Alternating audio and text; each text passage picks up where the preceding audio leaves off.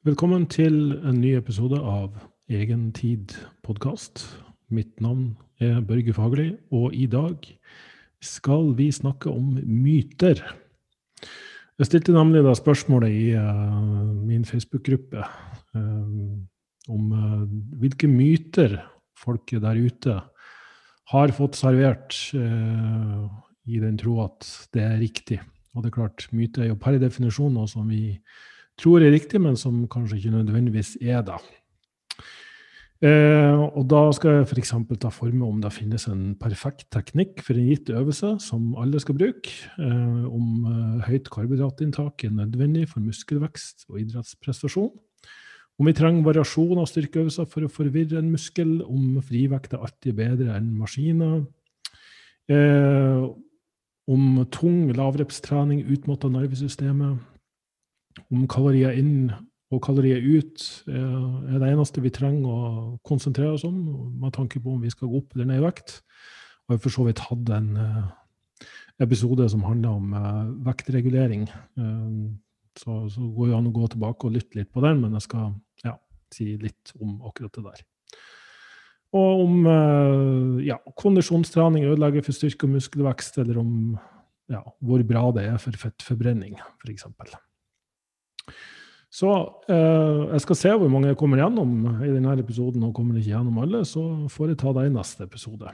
Eh, først av alt, om det finnes en perfekt teknikk for en gitt øvelse for absolutt alle. Um, og jeg tenker sånn Rent umiddelbart så, så tror jeg de fleste um, forstår at det kan det jo ikke være. Uh, siden vi alle er bygd ganske forskjellig. Det er forskjell på ei jente på 1,50 og en mann på to meter. Eh, og det er også forskjeller individuelt på hvorvidt um, overkroppen Altså forholdet mellom overkroppslengde og beinlengde. Forholdet mellom lengden på eh, ankelbeinet og lårbeinet. Eh, I det hele tatt, biomekanisk sett, så er det veldig mange forskjellige strukturer der ute.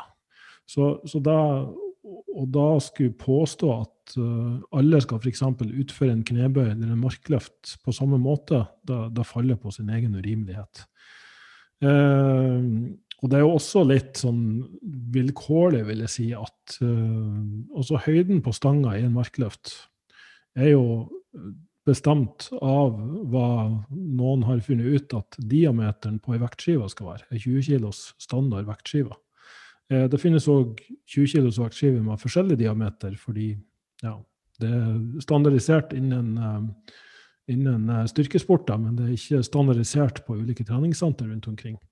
Så hvor langt du må løfte den stanga, er jo både bestemt av diameteren på skiven, og av hvor høy du er, og hvor lange armer du har, og en rekke faktorer. Så når det gjelder baseløftene, vi kan også snakke om benkpress, der du skal senke stanga ned til brystet. Og igjen, hvis formen på, eh, formen på brystkassen din, på ribbeina dine, altså hvor høy brystkassen din er når du ligger på, på en benk, i forhold til armlengden din eh, Det er forskjellig fra person til person, så, så hvor langt ned, eller hvor, hvor langt den stanga må gå for å, komme, for å treffe brystkassen, kan variere ganske mye. Så det er klart, Skal du konkurrere styrkeløft eller vektløfting, så, så, må du nødvendigvis innarbeide en viss teknikk. altså Da er det tekniske krav til at stanga skal berøre brystkassen din, eller du skal ha en viss dybde i knebøy, der hoftebeinet må være under kne, kneleddet. Um, og i markløft at stanga skal løftes fra gulvet. Um, så, så, må man jo nesten forholde seg til det, men, men at noen er mer heldig stilt pga. sin biomekanikk, det er, det, det er det ingen tvil om. Og jeg er jo den første til å innrømme at verken knebøy, markløft eller benkpress er øvelser som fungerer spesielt bra for meg. Jeg har f.eks. Um, en hoftestruktur som ikke er veldig gunstig for å kunne gå veldig dypt i, i knebøy. Uh, og dermed så, så vil bekkenet mitt begynne å vippe når jeg begynner å nærme det som er korrekt dybde. Og da går det veldig utover ryggen min, og det, det har det gjort.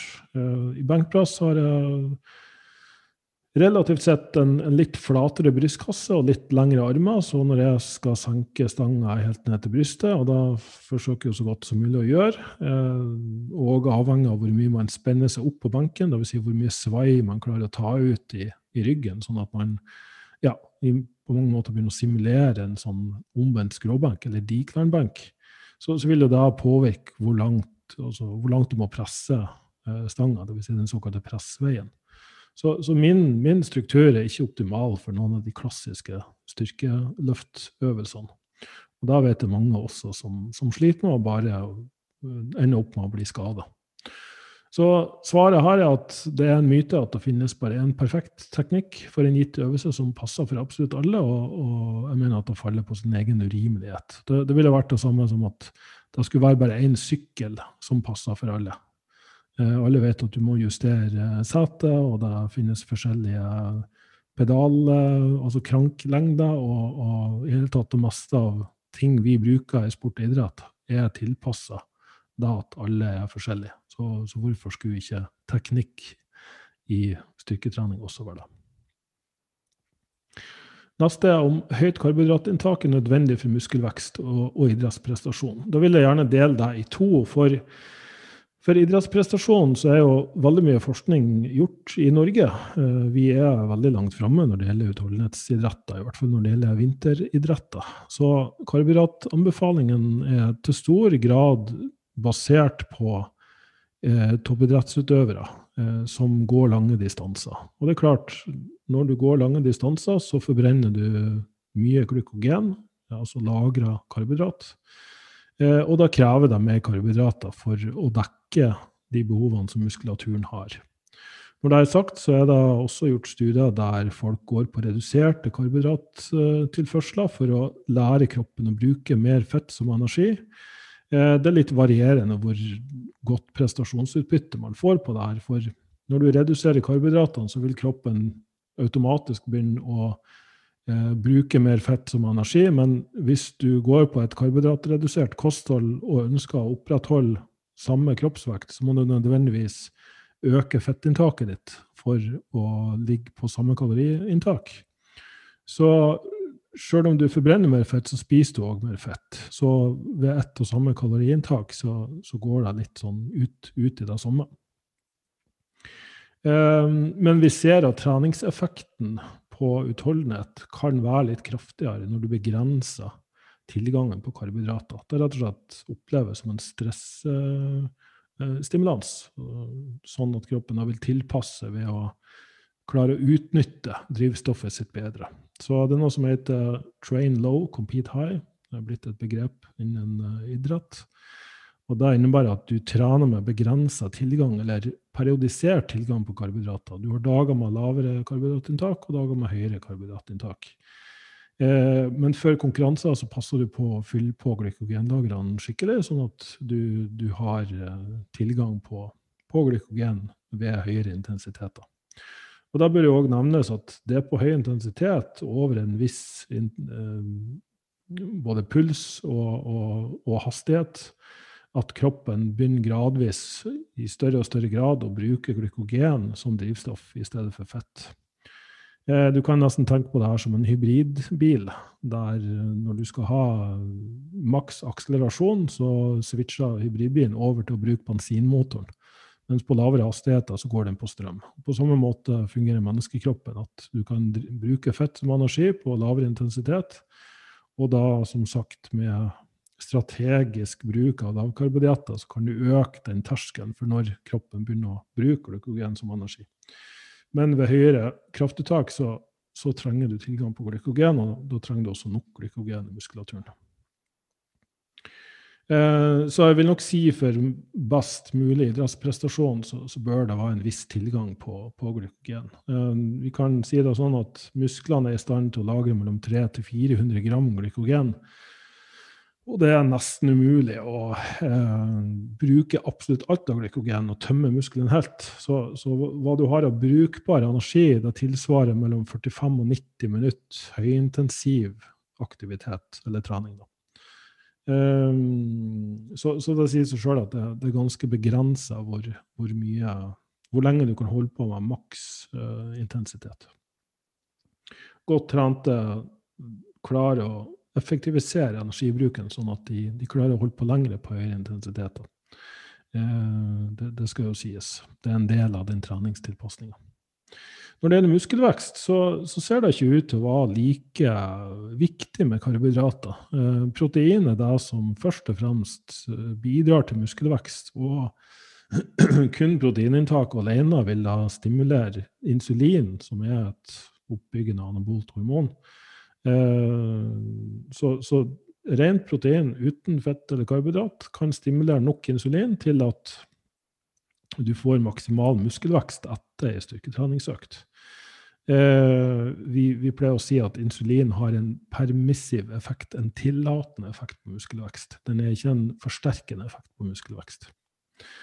Allikevel da, så vil jo styrketrening eh, redusere glykogenlagrene. Sånn typisk eh, eh fitness, kroppsbygging-økt med mange sett og repetisjoner kan tømme glykogenlagrene mellom 30 til 50 eh, Så 100-200 gram karbohydrat bare for å fylle på det kan være nødvendig. Eh, og når du først er på et karbohydratbasert kosthold, så har du òg en hjerne som trenger eh, glukose, og den forbruker 100 gram glukose, og kanskje mer per dag. På et lavkarbokosthold så vil en switche over til å bruke mer ketoner som drivstoff, dvs. Si omdanna fett. Um, og det er mange som føler seg mye bedre på et ketogent kosthold og føler at de har bedre blodsukkerkontroll, men, men um, av det jeg har sett av forskning på lavkarbodietter, så, så, så, er det nok i, i, beste fall like bra som et karbohydratbasert uh, kosthold. Men det kan se ut som på lengre sikt at det er et visst overtak når du spiser i hvert fall nok karbohydrater. Men ei typisk vekttreningsøkt, i hvert fall med et uh, mer passe treningsvolum, sånn som jeg er en stor uh, tilhenger av, så, så, trenger du neppe mer enn 30-50 gram karbohydrat for å, for å fylle på det glykogenet du har brukt under trening. Så la oss si et visst minimum på 150 gram på treningsdager. Det vil kunne støtte muskelvekst. Og da må vi jo selvfølgelig ta utgangspunkt i at du spiser nok kalorier for å bygge muskler. Eh, tenk også på det sånn at tilgjengelige kalorier eller energi for muskelbygging er summen av det du spiser, og summen av det du har lagra, eller mulighet til å, til å, bruke av det du har lagra, både fett og glykogen. Så eh, hvis at du kun fokuserer på at du spiser nok protein og 150 gram karbohydrat, så må du regulere fettinntaket sånn at du faktisk har nok kalorier til å bygge muskelmasse med. Det er mulig i et lite kaloriunderskudd å bygge muskelmasse hvis treningsprogrammet ditt er effektivt nok og kaloriene ikke er altfor lave. For da vil du hemme den, den, prosessen. Da vil kroppen nedprioritere muskelvekst og, og, og eh, prioritere overlevelse, rett og slett. Og da vil du nok i beste fall vedlikeholde muskelmassen din. Så, så da kommer til et visst punkt der du faktisk bare må passe på å spise nok kalorier hvis du ønsker å bygge muskler. Da. Eh, og hvis du har trent i veldig mange år og har lite fett på kroppen, altså en mer normal fettprosent på mellom 10 og 15 eh, Eller for å si det sånn, da, hvis du har lite strøm på batteriet ditt, for å bruke den hybridbilmetaforen, så, så, bør du nok spise mer fett i kostholdet ditt også, for å være sikker på at du, du har nok. da. Hvis ikke, så, så vil, eh, vil, du nok uh, slite med å bygge noe, noe særlig med muskelmasse. Og det er jo et vanlig problem for de som er veldig opptatt av å beholde sixpacken sin. De spiser rett og slett ikke nok for å, for å bygge muskler. Eh, variasjon av styrkeøvelser for å forvirre en muskel. Ja, da pleier jeg å si at da er det nok personen som er forvirra, det er ikke muskelen. Eh, muskelen er et dumt stykke kjøtt. Den kan kun kontraheres mellom to festepunkter. Eh, alle muskler har to festepunkter. Dog har vi noen muskler som er mer vifteforma, som f.eks. Eh, latissimus dorsi, eller den brede ryggmuskelen, og brystmuskelen. Det er to sånn typiske muskler som er mer vifteforma, har forskjellige festepunkter. Um, Brystmuskelen er jo festa langs uh, ribb, ribbeina, og så er, det festa i overarmen. Så avhengig av hvilken retning du flytter overarmen din, så vil du um, aktivere litt ulike deler av brystmuskelen. Um, så, så, vi kan si at enkelte muskler kanskje trenger litt variasjon av øvelser for at du skal klare å bygge hele muskelen. Uh, det er også gode studier på, på øvelser for beina som viser at ulike deler, faktisk enten ytterpunktet eller midten av muskelen, kan uh, trenes avhengig av hvor den øvelsen belaster mest. Noen øvelser vil belaste muskelen mest når den er strekt, og noen vil belaste mest når muskelen er kontrahert. Um, hvis du f.eks. ser på benkpress med manualer, der har du høyere motstand når manualene er i bunn, og så har du lavere motstand når manualene er i topp. Spesielt hvis du dunker manualene sammen. Da er det veldig liten belastning på selve brystmuskelen. Altså hvis du tar en, en sånn kabelflies eh, eller en pectec-flies i maskinen, så vil du ha jevn belastning gjennom hele bevegelsen. Så, så, det er litt sånn Vi kan nok si at du med én eller to øvelser kan trene de aller fleste musklene godt nok, men enkelte muskelgrupper så, så kan det lønne seg å ha to og kanskje tre øvelser. Hvis du ser på f.eks. lårmuskulaturen din, så har du fire muskelhoder. Det er derfor den heter quadriceps. Quad for fire. Eh, to av de musklene, den som sitter eh, innerst og den som sitter ytterst, de krysser kun kneleddet. Så Der er det nok at du strekker ut kneet. Bøyer og strekker kneet. Da vil du trene de to musklene. Men så har du en tohoda muskel som heter rectus femoris, som krysser både kne og hofte. Og i en typisk knebøy så kan du tenke deg at du bøyer i kneet når du går ned, men samtidig bøyer du i hofta. Og da, du egentlig, da gjør det at du strekker den muskelen ved kneet, og så forkorter du den ved hofta. Så den rectus femoris jobber mer uh, i samme lengde. Den vil ikke strekkes og kontraheres i like stor grad som de to ytterste musklene. Så, så der kan vi nok påstå at en knebøy vil ikke gi fullverdig aktivering av alle de fire muskelhodene. Da må du inn med en øvelse som holder hofta statisk og kun strekker kneleddet, som f.eks. en beinsparkmaskin eller ja, ulike øvelser der, der du kun tar utbevegelse i kneleddet. Eh, frivekt er alltid bedre enn kabelmaskin. Vi kan jo si at når du bruker frivekt og beveger kroppen fritt, eh, så involverer du flere muskler, fordi du må støtte og stabilisere de her bevegelsene tredimensjonalt. Mens kabler og maskiner låser fast bevegelsen mer. Men, men, igjen er vi tilbake til at en muskel bare er et dumt stykke kjøtt som kontraheres mellom to punkter. Så den vet ikke om du kjører der med frivekt, eller du kjører det i kabeltrekk eller en maskin. Um, og vi kan på mange måter si at noen maskinøvelser vil, vil, isolere, altså trene kun den muskelen du ønsker å trene, og unngå å trene omkringliggende muskulatur. Og da, da kan være tilfeller der det er, er bedre. Um, og passer den personen sin biomekanikk og struktur bedre. Den første myten vi snakker om, at det finnes en perfekt teknikk, eh, eller at um, alle personer skal kjøre alle typer øvelser.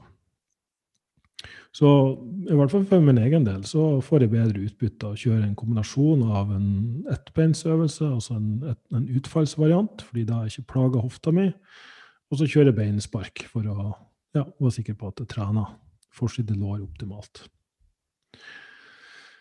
Eh, neste tung lavreptrening utmatter nervesystemet i lang tid og må gjøres med lav frekvens. Um, der er det litt uh, variabelt hva den forskninga sier. Um, det vi kan si, er jo at um, det er ulike typer utmattelse. Det er veldig lokal utmattelse. Dvs. Si den som oppstår uh, kun i muskelen av at det brenner og svir, og at du strekker og drar så mye i denne muskelen at det oppstår mikroskopiske skader, såkalt mikrotraumer.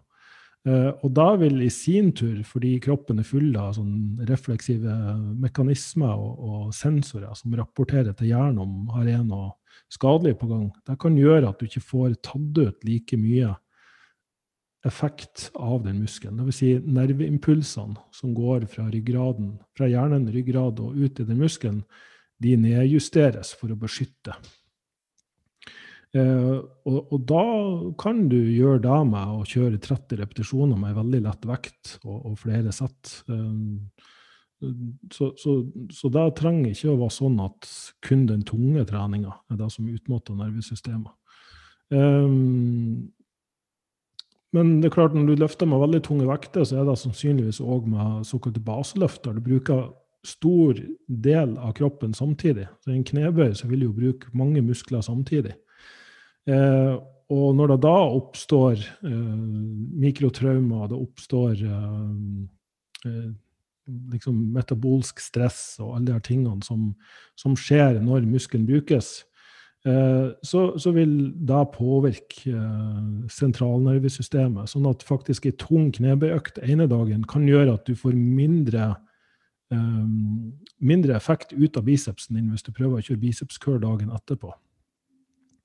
Men på generell basis så kan vi faktisk si at høyrepstrening, da å trene mange repetisjoner, er såpass stressende og belastende på, på kroppen at selv om det foregår ved lettere vekter, så kan det, så kan det være nok eh, opphopning av, av sånne metabolske eh, biprodukter da, av, av muskelkontraksjon til at det, det setter en demper på sentralnervesystemet. Så, så det her er flere mekanismer involvert som påvirker hverandre, så, så, det er nok ikke nødvendigvis sånn at kun den tunge lavrepstreninga som må gjøres med lav frekvens. Når vi ser på den forskninga som er gjort, så kan det faktisk se ut som om det er den lettere høyrepstreninga, og spesielt når du trener med mange sett og høyt volum, som krever lav frekvens. Det vil si at det går lang tid mellom hver gang du trener den, den muskelen.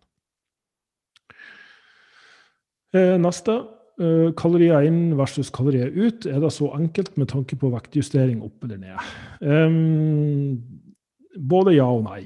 Vi, vi, kan på mange måter si at de termodynamiske lovene eh, er riktige. Det vil si at det, er viss, et, et, visst regnestykke på gang her. At, at, skal du gå ned i vekt over lengre tid, så er det kaloriverdien av det du spiser, kontra kaloriverdien av det du tar ut av kroppen, som bestemmer hvilken retning det går.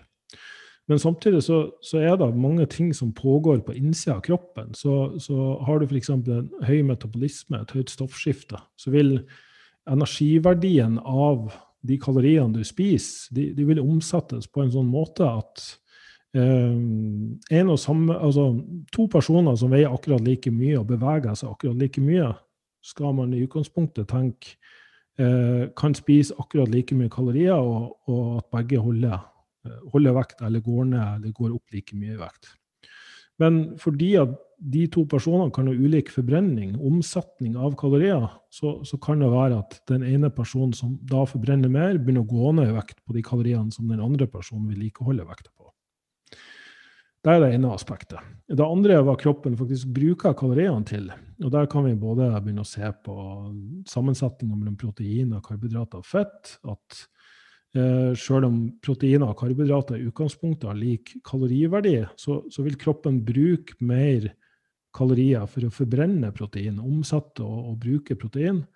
Eh, vi pleier å si at den termiske effekten av protein kan være opptil 25 eh, I et måltid kombinert med annen mat, så er nok ikke den verdien så høy. Men hvis du isolert sett ser på 100 kalorier fra protein og sammenligner med 100 kalorier fra karbohydrater eller 100 kalorier fra fett, så er det sånn at protein er det som øker forbrenninga mer ved den fordøyelsesprosessen. Eh, karbohydrater ligger rundt 3-6% og fett ligger mellom 1 og 3 så, så, fett er en veldig effektiv energikilde. Den går rett til lagring og, og, og liksom energibruk. Og så er det igjen individuelt hvor godt uh, hver enkelt person nyttiggjør seg de kaloriene. Noen faktisk kan forbrenne mer, bevege seg mer, føle seg bedre på mer fett og mindre karbohydrater, og noen har det motsatt. Og det er òg ting som kan endres over tid. Uh, og så er det jo hva du bruker de kaloriene til. Om du trener veldig mye og spiser mye karbohydrater, så kan nok det være en bedre kostholdsstrategi enn å spise et veldig karbohydratbegren, redusert karbohydratredusert, karbohydratbegrensa kosthold, som er veldig fettbasert, rett og slett fordi høyintensiv trening, som vi nevnte i stad, bruker mer glykogen. Og da må Da må kroppen bruke mer energi for å, å få tak på det glykogenet, eller nok uh, karbohydrater for å, for å, danne glykogen. Og det kan på mange måter høres ut som det er veldig smart at ja, men da bruker jo kroppen mer kalorier. Eh, og det er en sannhet med modifikasjoner, for det kan også gjøre at kroppen, fordi den opplever at den har mangel på ressurser, vil nedjustere sin forbrenning for å kompensere, sånn at ikke du skal ta ut for mye.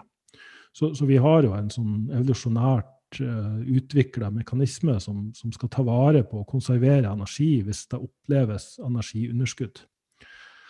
Eh, så det er ikke nødvendigvis sånn at å gå på diett hele tida er det aller beste. jeg har hatt så mange tilfeller av folk som stopper opp, stagnerer helt når de skrur kaloriene for lavt, rett og slett fordi kroppen begynner å skal konservere energi.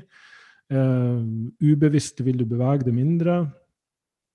Uh, ja, så i det hele tatt ting går litt, litt tregere i systemet. Og ved å da skru opp kaloriene gradvis og sakte, men sikkert for å få kroppens funksjon optimalisert, og at man føler man har mer energi, og dermed så bruker du mer energi når du beveger deg også. Du vil både bevege deg mer, og, du vil bruke mer energi når du beveger deg. Så, så vil nettobalansen være positiv. Dvs. Si positiv i den forstand at du faktisk kan begynne å gå ned i vekt ved å spise mer. I tillegg så oppleves jo kaloriunderskudd som stress på kroppen. Eh, og når kroppen opplever stress, så er det jo både det evolusjonære at den begynner å konservere energi, og hjernen ber dem om å sitte mer i ro, men også at kroppen kan eh, pumpes full av stresshormoner som kortisol og adrenalin. Det i sin tur kan gjøre at eh, det, det bindes mer væske i kroppen. Så det er svært mange som har opplevd at de skrur ned kaloriene, de trener mer, vekta står helt i ro. Så skrur de opp kaloriene, roer seg mer ned og tar det mer med ro. Og dermed så begynner kroppen å slippe på vannet. I løpet av en to-tre-dagersperiode så opplever man det som på engelsk blir kalt for en woosh-effekt. Det er for at det oppleves nesten som kroppen bare skrumper inn. Og, og, jeg har vært borti den effekten mange ganger før. Tar det litt med ro, skrur opp kaloriene litt. Uh, og så er det en to-tre dagers periode da man får løpe på do veldig mye. Mye mer enn det man skulle, skulle tro at vaskeinntak, vaskeinntaket skulle forsvare. Og brått så har man gått ned to-tre kilo liksom, i løpet av veldig kort tid. Men igjen, det er noe som vi ennå ikke helt forstår. Det er noe som er veldig uforutsigbart, og det er noe som ikke absolutt alle opplever. Så ja, konklusjon på det. Det er nok ikke så enkelt. Så, så, vekt bør nok følges med over lengre tid. Det er ikke bare å tenke at jeg forbrenner 2500 kalorier, så hvis jeg da spiser 2000 kalorier, så har jeg 500 kalorier underskudd, og det vil tilsvare at det går ned et halvt kilo i uka og så gjør man ikke det. Så kan det være at man går ned ett kilo første uka, og så går man ned ingenting neste uke, osv. Så, videre, og så, videre. så Så det, det, er veldig sånn, det kan gå veldig i rykk og napp, og som oftest gjør det også det. Eh, så igjen, termodynamisk så stemmer det jo, men det er veldig mange variabler involvert her, inkludert den interne forbrenninga og, og, hvorvidt kaloriene brukes til energiproduksjon eller de blir lagra. Så, så, kroppen er en såpass finjustert mekanisme så, som er jo mer jeg lærer, jo mer fantastisk syns jeg den er. Uh, og jeg har ennå ikke klart å forstå den etter 20 år i, i det her gamet. Så ja, 25 år, vil jeg si, i det her gamet. Så um, den, Du kan ikke Det vil være lurt å legge inn et kaloriunderskudd, men du kan nok ikke forvente at det vil gå ned helt matematisk korrekt. Neste om moderat kondisjonstrening ødelegger for styrke og muskelvekst. Um, jeg vil si at Hvis du blander for mye av begge deler i samme økt, at du trener én time kondisjon og én time styrke, så, så, vil begge deler bli dårligere. Men hvis du separerer styrke- og muskelveksttrening én dag og kondisjonstrening neste dag, så, så er det mye forskning som viser at det fungerer bedre.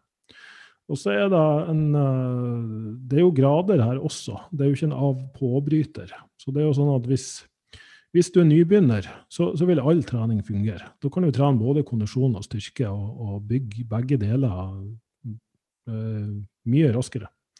Uten at de nødvendigvis påvirker hverandre veldig mye. Men igjen, som nybegynner så har du en lavere treningsterskel. Så det skal mindre til før du potensielt kan bli overtrent, at du gjør for mye. Og jo mer avansert man blir, jo mer muskler man har bygd, og jo mindre muskler det er mulig å, å bygge, fordi det er jo bestemt av genetikk og hormonnivået. og eh, det er noe de fleste vet, at selv om de har trent strukturert og godt, så at tre, fire, fem, seks år, litt avhengig av personen, så, så, begynner det å gå litt tregere. Og da, da bygger én til to kilo muskler per år det blir ansett for å være meget god framgang. Eh, jeg har jo trent sjøl i 30 år og tenker ikke sånn at det er mulig for meg å bygge noe særlig mer muskelmasse. Jeg har nok maksa ut det som kroppen min er kapabel til å holde, så derfor så fokuserer jeg mer på, på styrke og, og, beholde styrke, og, og, og, faktisk nå har jeg begynt å flytte fokuset litt mer over på kondisjon, fordi det er noe jeg har nedprioritert altfor lenge. Um, men, men, da er det jo sånn at det beste svaret vil jeg si er å bare gjøre det. Bare prøv da. Begynn med et styrkeprogram, muskelvekstprogram. Og så har du et visst minimum med kondisjonstrening. Si noe sånt som 20-30 minutter lav intensitet. Hvis du da begynner med fire ganger fire intervaller og én time og to timer kondisjonstrening, så vil det etter hvert komme til det punktet at du merker at du klarer ikke å restituere det fordi den totale belastninga er for stor. Ehm, jeg har trent mange eh, toppidrettsutøvere og folk som fokuserer på utholdenhetsidretter. Og der holder vi styrke og styrketrening på et visst minimum. Vi trener kanskje én til to ganger i uka med, bare én til to, kanskje tre sett og veldig lave repetisjoner. Eh, rett og slett fordi styrketrening kan også redusere effekten av kondisjonstrening, eller påvirke den negativt, rett og slett fordi det blir såpass mye. Det blir for mye av det gode. Så jeg forstår den mentaliteten der ute som mange innen crossfit-miljøet spesielt har, og det at uh, tren for å bli god på alt. Og til en viss grad så er det fullt mulig, men det aller meste vi har av uh, forskning og, og, erfaring, tilsier at det lønner seg å fokusere på kondisjon en periode, og så, og så redusere kondisjonstreninga ned til vedlikeholdsnivå, og så fokusere på styrke og muskelvekst. Typisk periodisering. Um, for kroppen er rett og slett ikke god på å gjøre flere ting på en gang.